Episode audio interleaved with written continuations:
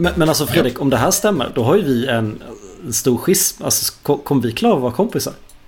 Det, det är så att jag har precis fått reda på att Fredrik jobbar på en mack. Oh, ja, jo, ja. Det, det, det, var liksom bara misstag. Liksom. Jag, jag, är absolut ingen Apple-fanboy eh, på det sättet, men eh, men jag blev liksom lite inlurad av att men vi kanske ska hålla på med iOS-appar och sånt där, så jag bara, ja men, ja men okej då, vi tar väl en sån där, den där nya M1-macken. Den var väl liksom lite, lite, lite coolt sådär. Men jag har varit rätt nöjd alltså. Det, det, ja. Men, men som, som liksom när allt Windows som sitter i ryggraden så krävdes det en del arbete att misshandla den här tills den, tills den beter sig som man tänker sig. Ja, men jag förstår. Alltså, jag är inte svin mycket mot Mac. Jag, jag tyckte, jag, jag har kört uh, Mac och, och iPhone samtidigt ett år i mitt liv. Och Macen var helt okej, det har jag inga problem med iPhones behöver vi inte prata om. Det, det funkar inte för mm. mig. Nej. Men, men Nej. grejen med det, alltså så här, jag tycker att ett OS fungerar som bäst när det håller sig ur vägen. Mm. Och, det tycker jag Mac, alltså MacOS gör ganska mycket. Alltså. Det tycker Windows har lyckats med det är ju alla de här liksom Windows-siffror för att öppna de pinnade programmen. Det sitter liksom i min ryggrad att ja, men Windows 1 är Chrome, Windows 2 är, är VS Code, Windows 5 är Outlook och så vidare. Och sen Windows piltangenter att snappa till vänster och höger på skärmar och sådär. Mm. Jag menar, filer på sin dator, det använder man inte längre. Ja och nej, alltså det... det... Alltså men, såklart om man alltså, filar men man använder inte någon Explorer längre. Typ. Nej, men det som jag tyckte var skönt med att komma över till Mac var liksom att, att jag kan applicera Linux eh, tänket i botten. Och speciellt som mm. utvecklare så var det ganska skönt med liksom Node och allt sånt där. Liksom, paths eh, funkar som man förväntar sig i Linux. Och det, och det, det är riktigt Linux på, i deploymenten. Mm. Så det är ganska skönt mm. faktiskt. Mm. Eh. Men samma sak där då. Eh, I, I VS Code när jag öppnar min terminal då kör jag ju VSL. Så jag kör en Ubuntu-maskin som terminal i, i, min Windows. Och det funkar hur bra som helst. Jag förstår mm. att det är ett hack. Eh, men det... Ja, men, men alltså jag, jag, tycker att overheaden börjar bli så pass... Har man en modern maskin så är overheaden för att hålla på och köra VSL och sånt där så pass liten så det är liksom... Alltså... Det, det kan jag leva med. Som, som JavaScript, ibland lite Node men mest webb, så märker inte jag det. Men jag kan, jag kan tycka, att, och det vet jag av erfarenhet från projektet, jag kan tycka att det finns ett, ett värde i att du har utvecklare både på Windows och Mac slash Linux. Mm. Eh, alltså något X-baserat. Bara för att se att ingen pajar någonting. Mm. Som att, att man inte förstör sina pathar genom att hårdkoda något som inte lirar eller, eller andra grejer. Mm. Jag, jag kom på en grej som jag verkligen sköt mig själv i foten med. Det är för att jämföra två paths. Ja. Eh, om du säger att så här, om path A är lika med path B, då ska du göra någonting. Mm. Eh, och det är inte alls säkert att det, förväntar, att det lirar så som du förväntar dig på, på Windows. Eh, så om du har utvecklat på Mac eller Linux först och sen så försöker göra det. Så man måste typ normalisera sina paths och sen jämföra dem ja. om du ska få det plattformsoberoende. Mm. Absolut. Därför jag alltid använder path.join istället för mm. Yes. Jag, jag, jag, har skapat massor med fula lösningar där jag, där jag, ska, där jag ska mata in en path till en funktion. Så istället för att ha en sträng så har jag en array med strängar. Ja, och joinar. Bara för att så här, och så joina ihop dem med path. Bara för att typ vara mer plattformsoberoende. Mm. Ja, men det köper jag. Helt klart. Topp! Men eh, mm. det är inte det vi ska prata om. Och innan vi börjar prata om det vi ska prata om så tänker jag att det är dags för, för veckans personliga fråga. Yes. Då tänkte jag Fredrik. Du har ju blivit pappa precis. Och, mm. och jag blev pappa sedan ett tag tillbaka och det är snart dags igen. Det här med så här, finns det någon träningsform du faktiskt lyckas med eller någon så här som du saknar? Vad är din träningsform Fredrik? Alltså, det, när, den perioden när jag tränade som mest så tränade jag på gym några gånger i veckan och sen så klättrade jag en hel del. Mm. Och, och, det blev som att gymmet var liksom... Trän, klättringen var som anledningen för att gymma. För klättring tycker jag var asroligt och jag längtar tillbaka till det så det stänker om det. Men just nu ser vi lite, lite så här, eh, skydda bebis från sjukdomar-läge trots att pandemin nu börjar vara över. Peppar, peppar. Eh, peppar, peppar. peppar, peppar. Håll tummarna, inget världskrig. Eh, Mm. Så, så jag hoppas att jag kan gå tillbaka och kunna börja klättra lite igen. Mm. Eh, när för det, det ser jag jättemycket fram emot. Och då ser du att då kommer du igång med gymmet också för det lyfter din klättring. Ja, precis. Ja, ja, spännande. Kul. Jag har alltid varit... Själv då? Ja, men jag har alltid varit en så här, Jag är ju i grunden orienterare och det har jag slutat med så länge. Eh, men jag ser fortfarande skärmen. Jag har den här typen av grundkondition så det är alltid nice för mig att ge mig ut och springa. Har jag inte gjort det på länge så är det bara nice i 3 km men då ger det tillräckligt mycket. Det så här, nice går, går lika snabbt uppåt som, som dödlig träningsverk dagen efter. Så det det, är, det är alltid nice för mig att träna. Slå på en podd, låta benen, benen glida eller ljudböcker på gamla goda tiden. Mm. Ja, det är verkligen min grej. Mm. Topp! Men det över till dagens ämne. Vi ska ju prata om våra hobbyprojekt och jag tänker att vi kommer väl säkert komma över lite i saker, alltså hur vi lär oss saker också i samband med det. Eh, så jag tänkte bara så här, har du något hobbyprojekt just nu? Ja, jag, har några stycken, men, men jag, jag, tror, jag tror mitt roligaste hobbyprojekt är ett, ett hobbyprojekt som har pågått liksom i, jag vet inte hur många år nu egentligen. Ett sorts så här Fågel Fenix återuppstående hobbyprojekt. Det, för jag, jag har varit jätteintresserad av dockor och hålla på och bygga liksom, den typen av, av grejer. Ja. Så, så jag har haft det som ett, ett så evighetsprojekt av att ja, men jag ska bygga ihop en jag, jag, jag komponerar ihop några, några lite docker compose-grejer för att bygga, här, sätta upp min, min server så som jag vill ha den. Mm. Och någonstans på den här vägen, när jag håller på, så kommer jag alltid på så här, men, men det här borde jag ju bygga ett verktyg för att göra det här mer slimmat. Och så jag ett verktyg för att få ihop allting och sen så kraschar det för att jag säger här, det här blev för bökigt och för jobbigt. Och sen så börjar jag om från början, jag gör någonting enkelt. Och sen så börjar jag bygga verktyg och sen så, så, så jag är lite i en sån cykel igen nu. Så nu nu har jag gjort ett, ett ganska simpelt litet verktyg som är egentligen bara en dekorerare av av YAML. Mm. Så man skriver YAML och sen så kan man med lite specialgrejer sätta på lite fler grejer för sånt som jag tycker är typ default eller så normalt beteende. Men som inte är så invasivt utan typ det är YAML, det är riktig YAML och så kan man typ peta på lite, lite så lite features. Det är ett eget filformat som du preprocessar och outputen är YAML. Ja, det är YAML från början. Ah. Det, det, är inte, det behöver inte ens vara YAML, det är objekt. Ah, jo, men, men jag har en parser från YAML för att YAML är enkelt att skriva, human readable. Eh, men i princip så här, en property är YAMLen som är Docker Compose. Mm. Och sen så har jag några fler YAML properties som är andra saker som är lite specialare och så kan man liksom konkatenera ihop massor med filer. Lite, alltså, Helm är min, är min liksom tankegrej. Eh, fast för Docker Compose för lite så här simplare grejer. För det finns, jag har inte någon så här riktigt bra verktyg för att göra det. Om någon har ett bra tips så på typ en sorts helmliknande verktyg med variabler och den typen av saker, fast bara för Docker Compose som inte behöver vara så stort, så tar jag gärna emot det. Mm. Vad, vad är din drivkraft i det här? Var, varför gör du det här? Varför fastnar du? Är det inte bara lätt att skriva alltså det... Compose rakt upp och ner? Jo, men det är sånt här, jag vill skapa någonting vackert och det ska vara symmetriskt och det, det, det stör mig att göra samma sak om och om igen och liksom, det, jag gillar inte att hålla på och copy-pasta. Jag, liksom, jag har skjutit mig själv i foten så många gånger så att jag vill gärna ta bort sånt där som bara är extra. Och sen är det kul, det är roligt att ja, göra ja. grejer liksom. Ja. Själv då? Du ju, måste ju ha något, några balla grejer igång.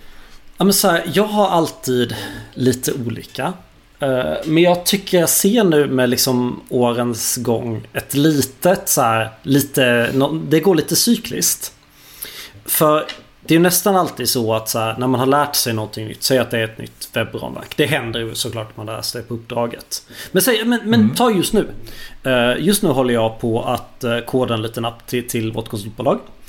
Uh, det handlar om att man ska kunna registrera till, sig till sessioner på en konferens. Inget konstigt. Mm. Då passar, varje gång man gör något sånt litet sånt som faktiskt ska bli någonting men det är ganska litet. Då vill man ju Då är en drivkraft. Men jag skulle aldrig kunna göra något sånt utan att lära mig ett par saker när jag ändå håller på. Ja, det är jag helt med på. Så just nu är det faktiskt uh, View 3. Och då försöker jag göra så mycket modern View 3 som möjligt. Vilket för övrigt mm. är jävligt smutt. Ja, ja, herregud. Det, det, är en, det är en game changer. Det enda som är lite synd med Vue 3 är att eh, stödverktygen är inte riktigt i kappen. Alltså stöden i, i, i Volar, ja. som istället för V-tur i ja. VS Code, är bra. Medan stöden för typ så här, typsäkring och sånt är inte riktigt i kapp i, i Webstormen. För jag gillar Webstorm. Ah, okay. men, men för själva View 3 mm. tycker jag är skitbra. Ja. Det är bara det att allting runt omkring behöver komma ikapp lite så man får det här att jag skriver kod och så säger verktyget till ajabaja, du har fel properties på någonting. Men frågan är om det har hänt något då? För jag kör Volar nu. Och jag tycker, mm. alltså, jag tycker det funkar bättre än hur det funkade innan med View 2. Alltså att jag får, ja, ja. jag har inte jättemycket TypeScript, men jag har lite TypeScript. Jag har TypeScript-interfacer för de datan jag hämtar. Och det, den mm. följer hela vägen upp. Jag använder Pina mm. som State Manager. Och, och, då får jag till och med autocomplete till och med upp i templaten. Och då upplever jag att jag aldrig riktigt fått bra View 2. Nej, det fick man aldrig. Nej. Men, men det är ju inte, det är inte View 2 som är, som är standard, utan det är snarare jämfört med React. Ja, jämfört med React, absolut. Det är inte lika bra som React, men det har tagit ett Nej. långt steg mot att närma sig. Ja, och det, det tycker jag är väldigt skönt. Alltså, för det kändes som att View 2 var lite, så här, det var lite på dekis. Men, men nya View 3 tycker jag är på väg ut in. Alltså, det, mm. det kan bli ballt. De, de, Personligen så är det, de, tycker jag det är svält som är det, det balla just nu. Alltså. Det skulle jag vilja få, få göra mer i. Ja. De switchar ju doxen i View ganska snart. Eller de har switchat det nu förresten menar jag.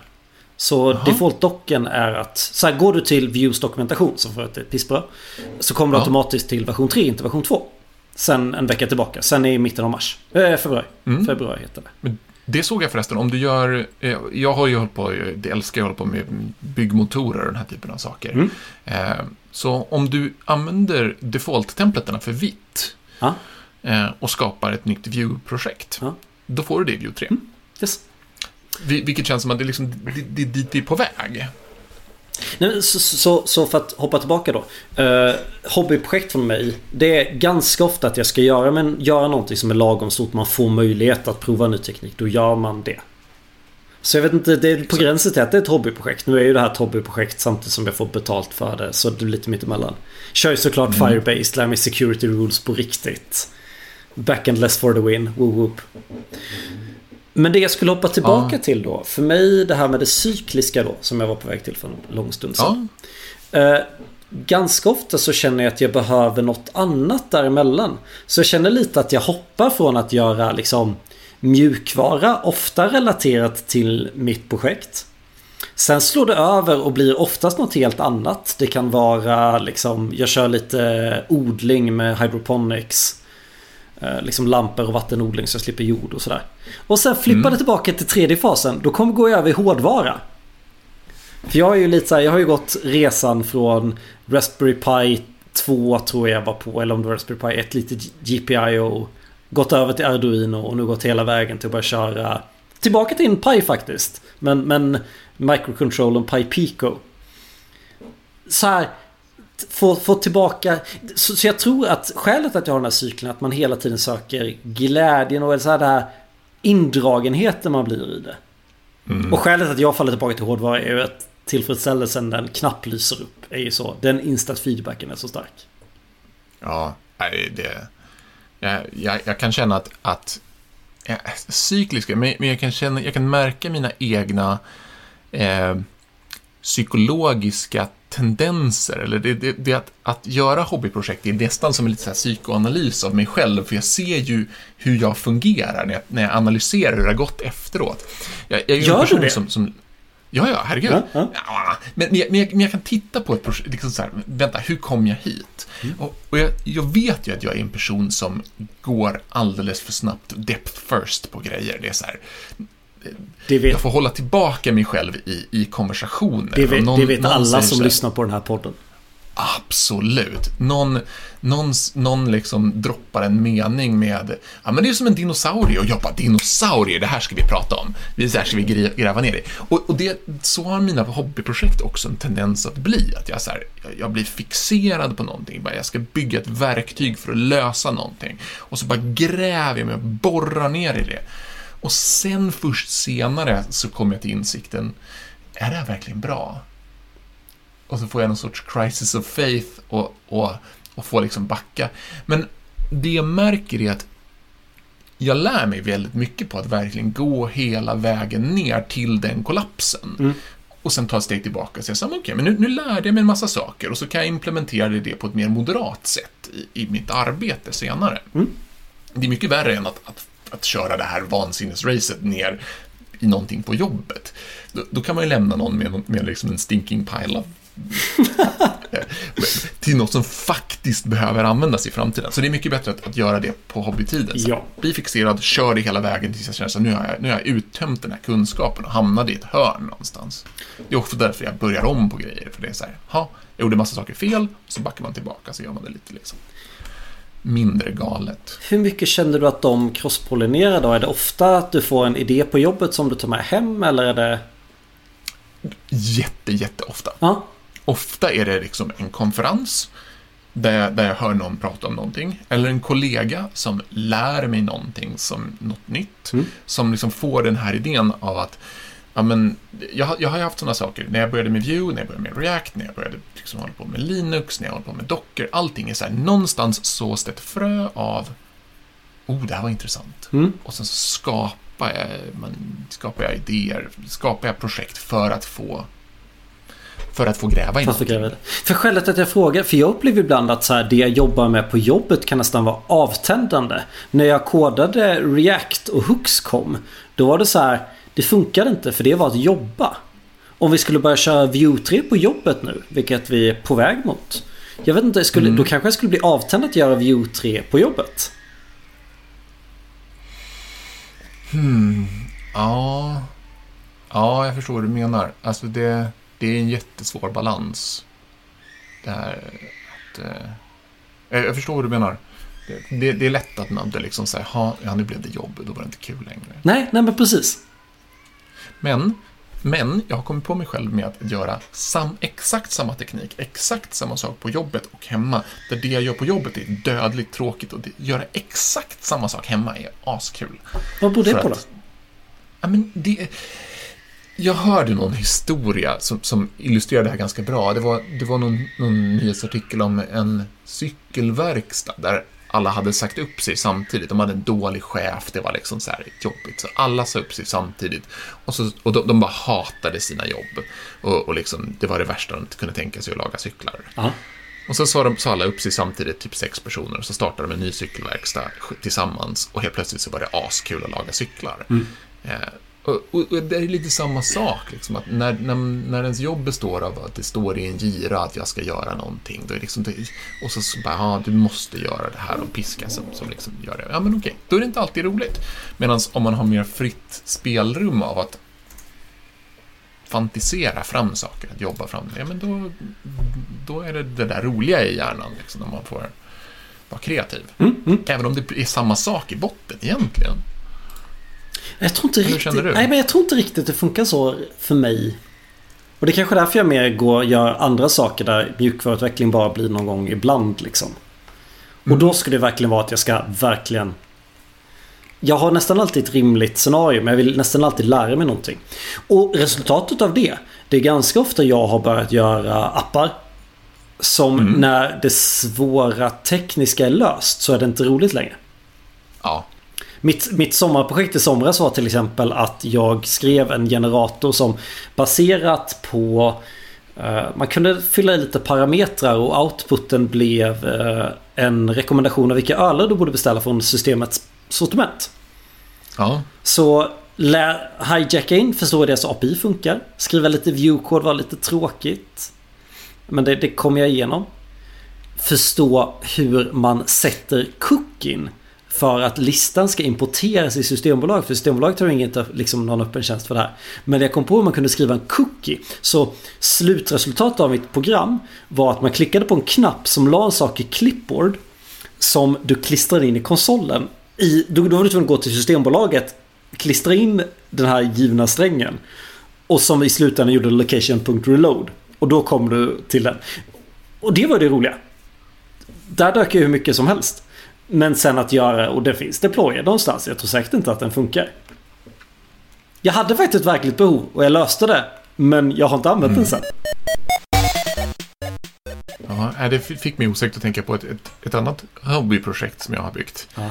Eh, en liten, eh, ett litet verktyg för eh, Consumer Driven Contracts, alltså att definiera API-kontrakt i klienten. Mm. Lite, ja, men ett enkelt verktyg för det. Mm. Och sen gjort lite wrappers runt det så man kan få sådana här pakt-kontrakt och så. Mm. Men jag inser att jag har skapat en vattendelare för mig själv mellan det roliga och det tråkiga.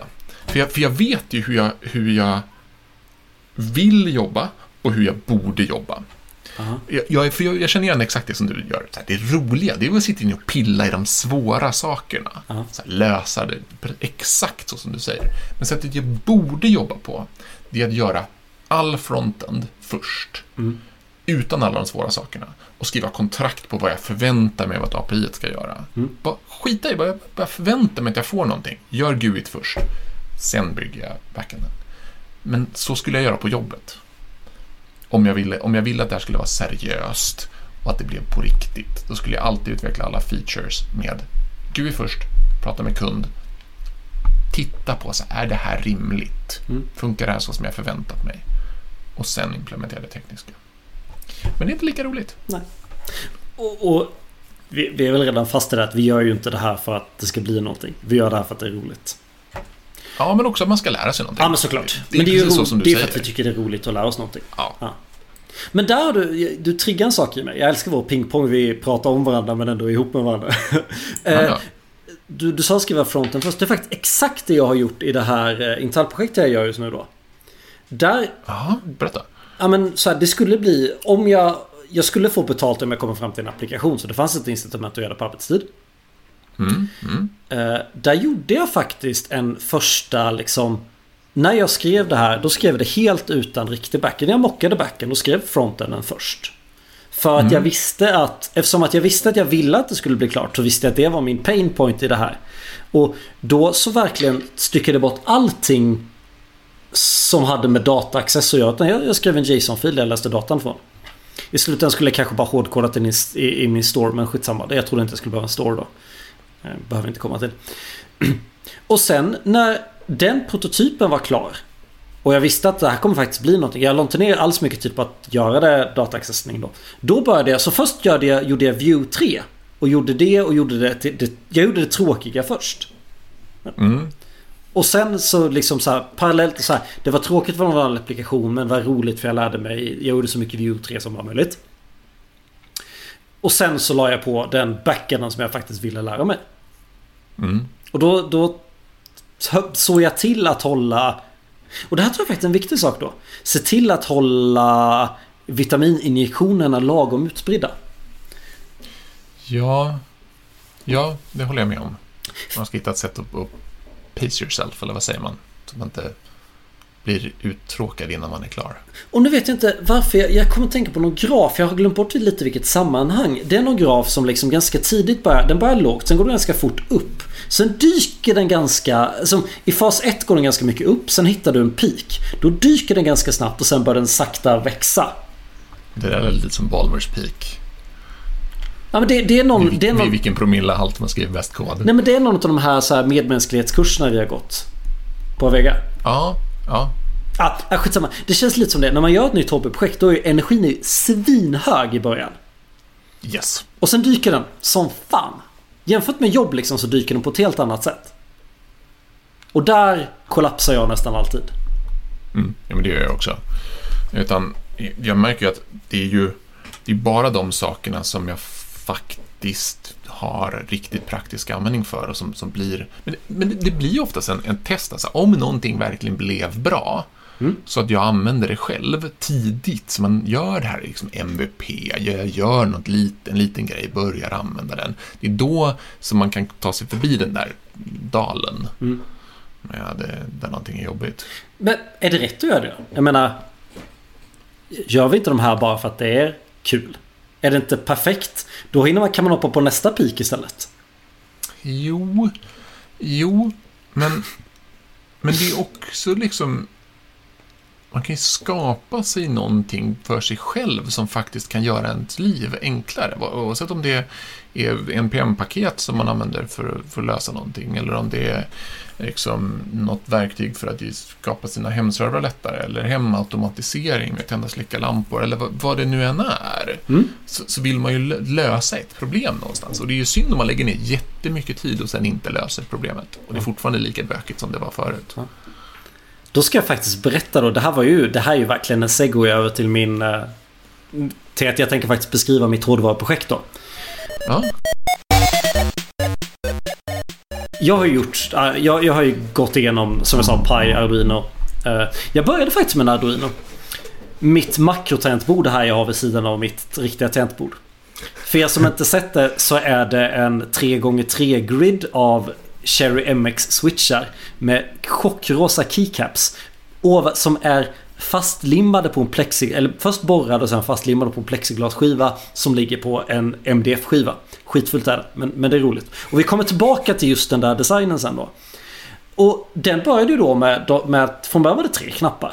Som kunde göra eh, playmusik, pausmusik och byta eh, state. Vilket då jag kommer, för man, man, man, kan gå igenom tre olika lager då, har jag kodat in. Men jag använder mm. fortfarande mm. bara ett lager. ja, men såklart. Mm. Men, men ändå. Ja, och sen la jag till en, en, ljus, en lysdiod, en RGB-diod. Så jag kan, när jag byter state så byter den här lampan färg. Och sen la jag till tre knappar till. Och sen så har jag lagt på en sån här, heter Rotary Encoder. En, en volymknapp helt enkelt. Den kan snurra i oändlighet. Ja, uh, uh, okej. Ja, men precis. Mm. Inte en som har max och min utan en volymkontroll. Nej, utan en sån där som, som genom signal när du ökar och minskar. Mm, precis. Och, och den styr volymen på min dator. I vilket fall i lager 1. Mm. Lager 2 kanske kommer. Vi får väl se. Eh, de tre knapparna som kom därefter är Teams-kontroll, muta, avmuta, globalt, inte bara in i Teams. Samma sak med webcamen och räcka upp handen-knappen. Och sen när de sista tre knapparna kom så är en av dem hårdkodad till mitt lösenord. Bra va? Ja. Bara mitt lösenord till datorn, inte något annat. Så det är när jag har låst skärmen. Och den ligger ju hemma. Så jag tar inte med den till jobbet därför. Men det jag vill komma till då. Det viktiga poängen med det här. Sprida ut in energiinjektionerna. Jag gjorde felet att jag skaffade plexiglasskivan. Och jag skaffade... Eh, jag beställde Cherry MX-switcharna. Alltså knapparna, tangentbordsknapparna. Och jag skaffade MDF-skivan samtidigt. Och började slöjda. Och sen när jag var lagom slöjdat insåg jag att vänta nu, jag vet inte hur man mountar Cherry MX-knappar. Så det här blev liggande ganska lång tid för att jag inte liksom kom fram till hur jag skulle borra fyrkantiga hål. Så där så spred jag absolut inte ut min... Det var toppenergi. Och det funkade, det funkade att slöjda ut så, så plexiglasskivan låg snyggt på MDFen.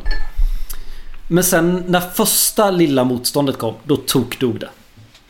Och sen tog jag upp det nu några månader senare och byggde det här. Det här jag pratade om hur jag sekventiellt byggde det. Det har ju kommit mm. nu sista tiden. Du hade inte funderat på att bara typ ploppa ner dem på en breadboard eller något ja, men annat? Det är precis det jag menar. Det var precis det man borde gjort. Ja. För, för nästa steg egentligen.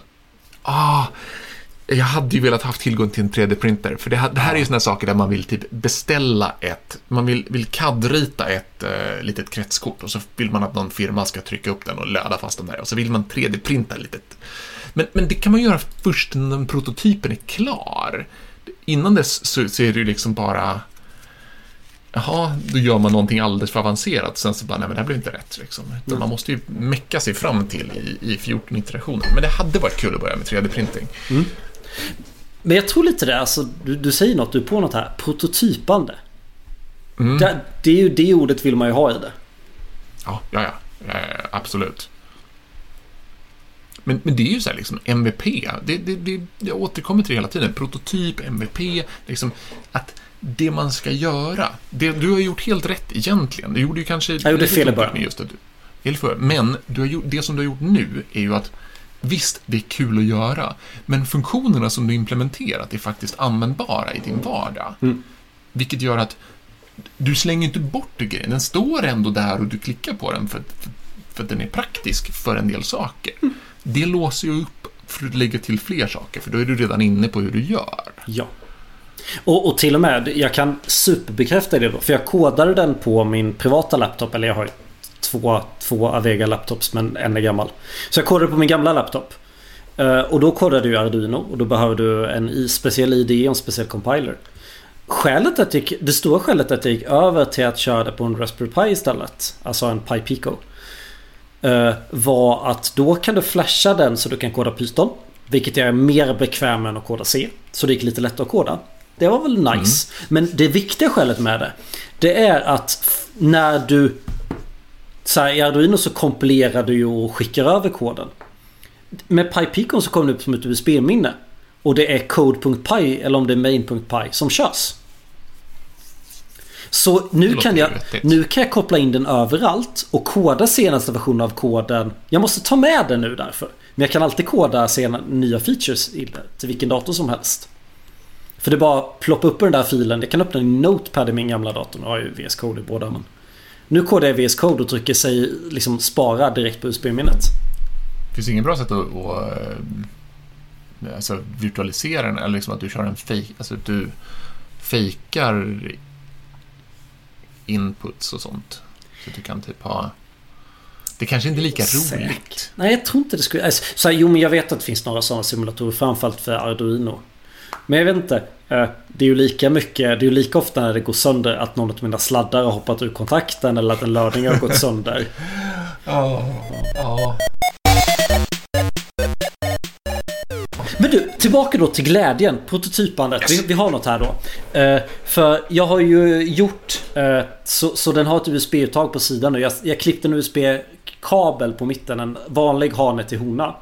Och, och, mm. så, och kopplade in Eh, Eh, den ena halvan till, till PyPicon och sen en förlängningssladd. Och i, för nu gjorde jag ju då helt rätt. För i min eh, IKEA-matlåda som jag borrat hål i finns nu sådana här knappar som man normalt sett har på tangentbords... Eh, nej, nej förlåt. Som man har på eh, elgitarr-fotswitchar. Och där provade jag den prototypen och de stora problemen, det är därför jag kommer att tänka på det, var att jag har lött dem alldeles för dåligt. Men jag konstaterar att jag behöver inte fler knappar just nu och att få... Jag behöver inte foten också. Det funkar precis lika bra med hand. Liksom. Jag har tillräckligt med knappar på handen. Jag behöver inte fler knappar på foten också. Så därför mm. gjorde jag en liten prototyp och, och, slängde den. Eller jag har kvar den men slängt konceptet. Ja, alltså det är ju viktigt det där med att man ska identifiera en, en anledning att göra någonting. Så, så annars, annars, blir det lätt att man skapar en massa prylar som är så här, ja, man påbörjar någonting och sen så inser man att nej, äh, äh, okej. Okay. Så, så. Mm. Ett till exempel då. Nu, nu kanske man börjar tröttna. Uh, när jag var på Ikea julas så gick jag bananas och köpte framförallt i kontoret att kunna trycka på en knapp för att slå på rätt ljus och dra ner rullgardinerna. Eller dra upp då, menar jag. Dra ner på kvällen, dra upp på morgonen. Mm. Uh, och då började jag koda lite runt det. Så nu kör min Pi faktiskt hemma, en hemmahackad, helt hemmahackad hemautomatisering. Med, med en liten webbtjänst. Men då kom vi till problemet då. Det jag gjorde rätt. Jag började med ett... Det är fortfarande världens fulaste webbinterface. Knapparna är fortfarande kvar. Den, eh, de är omstylade så det går att trycka på dem. Men de är ful eh, default eh, grå. Och då gjorde jag rätt. Jag, jag med att så jag kan styra TVn, jag kan styra lamporna i vardagsrummet. För det är framförallt där jag använder mm. den. Och så kom första problemet. Buggen när TVn, när boxen startas om, min, min Nvidia Shield som den här kontrollerar och min Android TV startar om. Så omansluter inte Pine. Min kod är omansluter inte. Och då hade jag lärt mig ah. PM2, jag hade lärt mig hur man pratar med Android TV. Jag kunde sno lite gammal kod för att man kontrollerar en Teldus. Så så fort första lilla buggen kom, då är, nu har jag ett svalt intresse här. Jag funderar på om jag till och med ska göra det på nivån att om ett anrop failar så ska jag krascha min, min Node-applikation.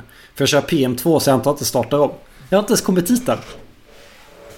Alltså det, det tycker jag är en, det, det är oftast en sån här enkel lösning. Jag, jag föredrar att deploya saker i Docker. Mm. Eh, för det mesta. Även om du kör på typ en... Alltså så länge du kör någonting med Linux mm. så är Docker väldigt lite overhead. Och det är så himla enkelt att bara så här restart always. Mm. Så det, det, är bara minsta tecken på att något går fel, bara döda applikationen. Mm. Och så låt den starta om från början. Ja. Det är ofta en ganska enkel lösning på... speciellt om man har så problem med att man... Jag, jag, vet att man kan hamna i lägen där, där man får... Eh, men säg att man tappar en databaskoppling till en MongoDB-server eller någonting annat sånt där. Mm. Och, och, den kommer tillbaka. Och man, man kan hamna i lägen där där du får trådar som kanske eller inte stänger och att applikationen inte riktigt stänger av sig själv. Mm. Att även fast den kanske borde ta slut så, så, så, stänger den sig inte för att den ligger och väntar på någon annan tråd eller någonting. Då är det enk, oftast enklare att bara system exit döda den. Okej, det, är inte, det är inte snyggt, det är inte bra, men för ett hobbyprojekt som bara ska liksom upp och snurra och ska vara enkelt så är det oftast en ganska bra lösning. Liksom. Mm. Och det är väl också ett sätt liksom, tillbaka då sprida ut energiinjektionerna. Men också mm. sprida ut och på ett smart sätt hantera energidipparna. Gör ett fulhack då. Ja, men God, du var inne på någonting där. Där, där den här när, när första buggen, när det kommer saker, alltså beroende på vilket tillstånd man är i just då. Om man är, om man är hyper så är det så här, oh my god, jag ska besegra den här grejen och sen så liksom så ger det en kamplust. Men om man är på sitt tröttaste, man har kämpat typ långt in på natten, så kan jag känna att den där buggen sätter inte bara P för mitt arbete den natten, utan kan vara det som får mig att släppa det helt och hållet, om jag bara råkar vara för trött när någonting händer. Uh för då, skapar man sig en tröskel nästa dag, så åh nej, men jag, åh, det är någonting i vägen, för att ens sätta igång. Mm. Så, så, det är lite riskfyllt det där med att sitta och, och pusha för långt. Jag känner igen den på det då. Det jag kodar just nu. U3 i den här koden nu. För det är det så varje gång jag öppnar den så är det så här. Jag hoppas nästan att jag ska komma in och ha den här Webpack overlayen i browsern. Att det är svart. Så jag får börja med att lösa en tydligt definierad bugg. Så man är så här. Jaha, vad ska jag göra nu? Eftersom att jag sitter och gör den liksom så här en halvtimme där och där mellan möten ungefär. Ibland så blir det mm. lite längre sammanhängande men oftast inte. Du, jag funderar på en sak du sa. Du sa mm. mitt i natten. Så här, hur, hur, hur ser du till att du kan jobba med dina hobbyprojekt? Både oh, tid och socialt, familjeaccepterat. Lite just nu så är läget liksom så här typ eh, ja, men typ sitta och titta på bebis och se att, att hon får, får sova och, och mer så här hålla koll på henne ett tag innan hon somnar mm. eh, och, och koda lite samtidigt. Du, eh, du kombinerar de två finaste hobbyprojekten man kan ha. Ja, men exakt. Så, så, när hon ändå ska vara tyst så kan men man du, lite. Innebär det att lärdomarna vi precis pratat om är tillämpbart på föräldraskapet också då? Man ska Nej, sprida ut energiinjektionerna och undvika fulhacka dipparna. Det är bättre att man startar om dem. yes, precis så. Så det vi sa är att ett, ett vara pappa är inte ett hobbyprojekt. Det är ett jobb. Eftersom att det inte går att starta om servern när buggen första buggen kommer. Ja, ja jo, så är det kanske. Man, man dör inte bara system exit på ungen och sen så startar en ny unge. Nej, nej, man måste ha recovery Yes. För den. Måste ha fel alltid. Mm, bra. Ja. Det är samma sak där. Alltså gud. Uh, den här konferensappen då. Uh, felhantering. Det bästa beslutet är, okej okay, jag har tagit många jävligt bra beslut. Jag är nöjd med det där alltså. Men, att så fort jag lägger en store var en av första sakerna till liksom uh, anropa den här metoden för att visa ett globalt fel och sen så liksom anropa en sträng här så visar vi ett felmeddelande. Och sen är det någon som ligger och mm. lyssnar och syns den här strängen så, så animerar jag in ett felmeddelande. Så liksom så här, världens fulaste lösning för att kunna lösa all felhantering på ett inte bra sätt, men tillräckligt bra sätt. Jag undvek den dippen genom att göra en godtagbar lösning. Och när jag fick in första användartesten så flyttade jag felaktigt användande lösenord nära det, det formuläret. Men allt annat är globala fel. Eh, jag kan tänka det där med, med att göra fula lösningar på någonting. Alltså att om man bara ser till att rappa sin fula grej i en metod. som att det är så här, jag har en asful loggningslösning. Men om jag gör en, en gör min asfula loggningslösning metod och sen lägger jag det i den. Då blir det mycket enklare att göra om det senare. Mm. Händer om man bara det har det, det, det tankes... Ja, det, ibland. Ja, ja, det gör det faktiskt. Mm jag kommer tillbaka. Jag kommer till ett läge att jag bara lackar på att någonting, någon sak, något hack är dåligt och så går man tillbaka och gör om det. Så här, nej, nu måste jag nu måste jag göra om den här mockningen av någonting, någonting eller vad det nu är. Liksom. Ja, men okej. Men då, om man inte har gjort den, om man inte har copy-pastat den där lösningen 50 gånger i koden, för då, då får man ju ett sånt här ge upp moment. Man bara tittar på det, suckar och sen så bara nej, nej. Man lät energidippen ta. Ja, precis. Gud vad kul. Jag har inte riktigt tänkt på att man kan härleda det så, men så är det ju verkligen. Men du. Då, då måste jag... Det blir kanske sista topic ändå. Ja. Jag vet ju en sak som både... Som jag ändå skulle säga att du och jag har gjort och misslyckats med varenda gång på den här subkategorin hobbyprojekt. Jag känner ju att jag skulle vilja göra någonting som blir så bra att man kan lägga upp det någonstans. Jag har lite olika idéer. Eh, det är allt från liksom superenkel så här base. Alltså tänk dig Tailwind. Fast med en tusendel av funktionaliteten. Jag är inte så insatt i Tailwind. Du får gärna förklara vad, vad Tailwind gör. Jag menar bara en, en CSS-resetter som är lite opinionated. Som gör att ah, du okay. kan importera det här. Det är två kilobyte stort. Typ. Uh, och du kan skriva normala HTML-taggar och din applikation kommer funka. Du behöver inte göra någon styling i version 1. Här finns ju ett litet, en liten etisk fråga. Ja. Om du skapar ett NPM-paket själv och publicerar det på internet. Ja. Och, och det, det, det, är bara, du har gjort det bara för dig själv. Är det okej okay att installera det i, på jobbet då? Skulle... Kan man skaffa sig ett kan man skaffa sig ett alias så att de inte vet om att det är jag som har gjort det, NPM-paketet som jag installerar? Eller liksom... Så länge det liksom, det beror lite på vad du gör det. Men jag menar så här. I mitt scenario faller jag alltid tillbaka på microfrontends då. Jag, jag skiter lite vilket vad microfrontendsen gör så länge de är compliant med alla våra krav. Liksom, är den tillräckligt liten, ser snygg ut, funkar som alla andra mm. appar funkar. Så skulle inte jag brytt mig. För, för det, jag tänker på den här eh, vad heter det? Consumer Driven Contracts-prylen, mm, mm. för den är så pass liten. Men den är lite opinionated. Det är så här, att man, man, skriver en liten definition för sitt API och sen så har den så här arkitektur eh, konsekvenser av att mm. nej, det är frontenden som bestämmer hur API ska se ut och inte tvärtom. Och lite så här verktygslösningar. Men, men själva koden i sig är typ bara 300 rader eller någonting. Ja. Inget, det är inget avancerat. Men, eh, men, men, där skulle jag men säga... den skulle jag gärna vilja införa på en del arbetsplatser just för att det blir så, här, det blir så trevligt flöde att jobba i. Man bara gör fronten först. Så länge du kan få ditt team att komma överens om pakt så ser jag inget problem att du använder ett verktyg som du själv har gjort. Mm. Uh, för de kan man, ju... behöver ju inte, man behöver ju inte pakt för att använda det verktyget. Nej, man okay, kan nej. ju man kan köra det i en light-variant utan, alltså, utan pakt. Men då får man då får man skriva tester själv. Men de är liksom inte jättekomplicerade. Det är typ ta, avkodat JSON-objekt och säg så här, givet bla, gör bla. Mm. Men låt mig ta mitt exempel då. En sak jag har gjort bra på, på mitt nuvarande uppdrag som jag skulle vilja ta med mig därifrån. Då kanske det blir mm. oetiskt därför. Uh, men, men uh, ja. Uh, det är att vi kör Cypress-tester. Och vi har lagt mm. in ett plugin för att man ska kunna skriva dem som Gherkins. Yes. Och sen har vi lagt in, alltså given when then grejer. Sen har vi lagt in en liten standardvokabulär. Och vissa av de sakerna är ju verkligen specifika till det projektet. Och ja. det är baserat på ett redan existerande Cypress-plugin för att få skriva Gherkin. Så det är inte det jag vill göra. Det jag skulle vilja göra är att jag skulle vilja lägga till lite standardvokabulär i den. Varför finns inte det här? Alltså när du, när du, mm. när du går in i och gör om jag skulle påbörja ett nytt React eller ett Vue-projekt mm. så, så hämtar jag liksom ett komponentbibliotek mm. Med typ eh, någonting. Jag hade önskat att det fanns Gherkin-bibliotek.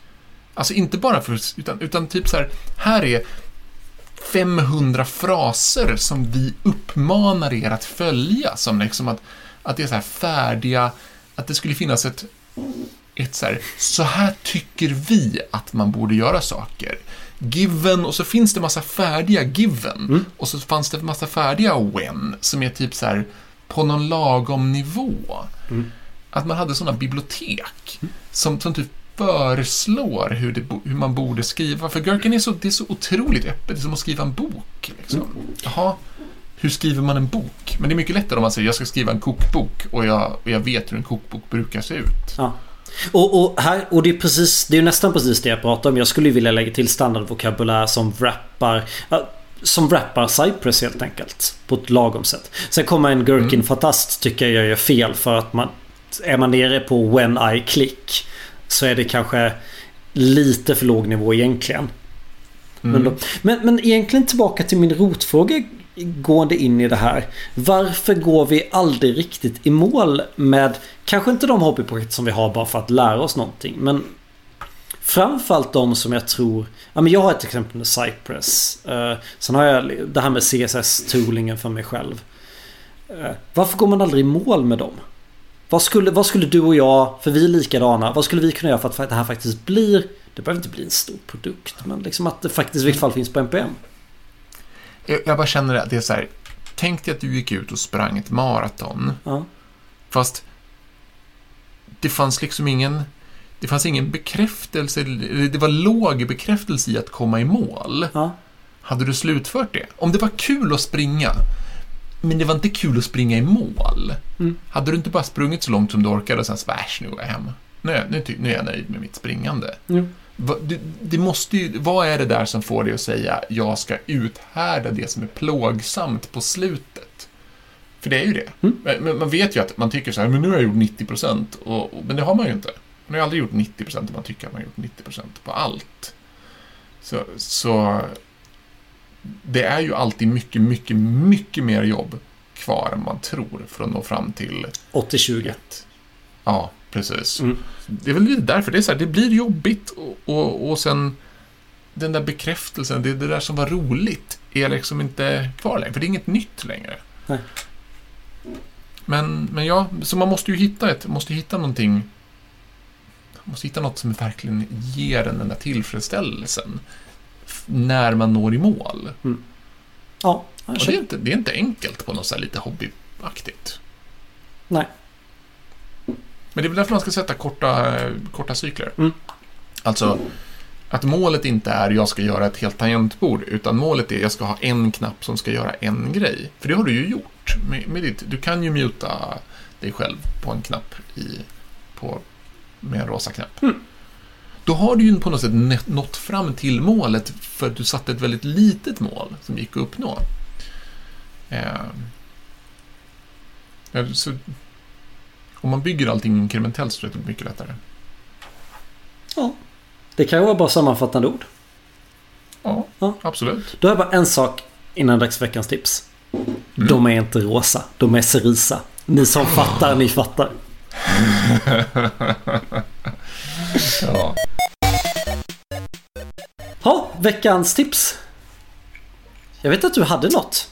Riktigt ja, jag, bra. Som sagt, vi, vi hintade lite i början om att jag, jag kör Mac fast jag är egentligen uppväxt på Windows. Eh, uppväxt på?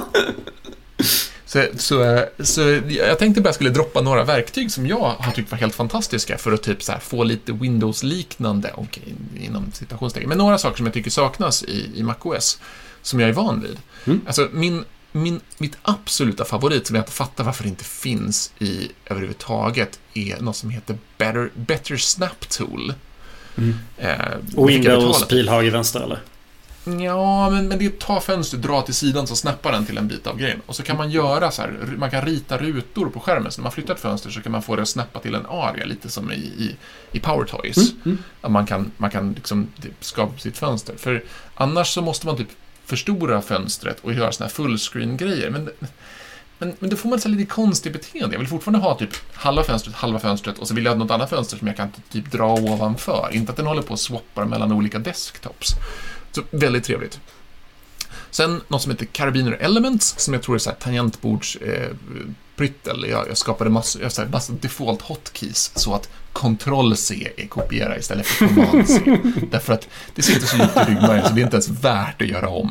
Och där finns så här default, någon, någon har gjort så default eh, hotkey-grejer med så här Windows-ifiera alla tangentbordsgrejer. För det är fasen med jobbigt att köra med ett icke-Mac-tangentbord med en Mac. Mm. För allt är fel. Ja. Alla, alla tecken på tangentbordet är bara fel. Så då tittar man på dem. Mm. Ja, det får räcka där. Mm. Själv då? Vad är veckans tips? Ja men veckans tips, det, är lite, det blir lite utdraget. Jag har ju varit så här, alltså jag, jag, ser fram emot att man får börja göra View 3 och det har tagit tid för att allt third party. Och som vi säger, det är först nu View 3. Jag skulle säga att nu är View 3 redo. Det tror jag redan vi har sagt det på den faktiskt.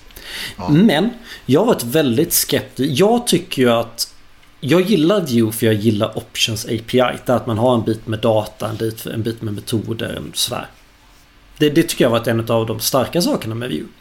Och jag vet att folk varit eldologer nu när nya Composition API kommer ut. Och jag har varit så här. Jag, jag, är, jag vet inte, jag kanske alltid är lite restriktiv mot nya saker. Men det som fått det här att släppa för mig. Jag trodde inte jag skulle koda någonting alls i Composition API. Men det finns något som heter Script Setup. Som egentligen är ett...